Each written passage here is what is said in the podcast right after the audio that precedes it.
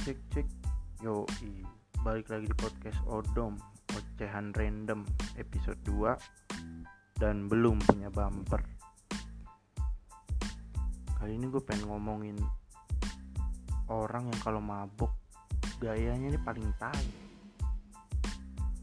Lagi kalau di tongkrongan lu di tongkrongan yang ada ceweknya ya. Uh minum dikit aja nih caper sampai mati.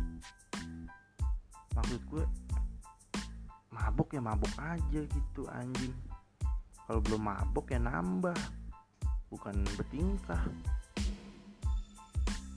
Ini orang-orang kayak gini biasanya pikirannya ini belum dewasa gitu. Pikirannya masih pikiran bocah. Lagi kalau emang tujuannya dapat perhatian cewek masa mabuk sih? Aneh banget.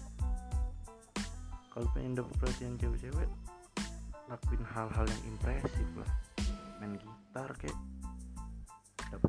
dapat ranking kirim duit ke rekening. Ya pokoknya bikin hal-hal yang bikin cewek itu tertarik gitu. Jangan mabok.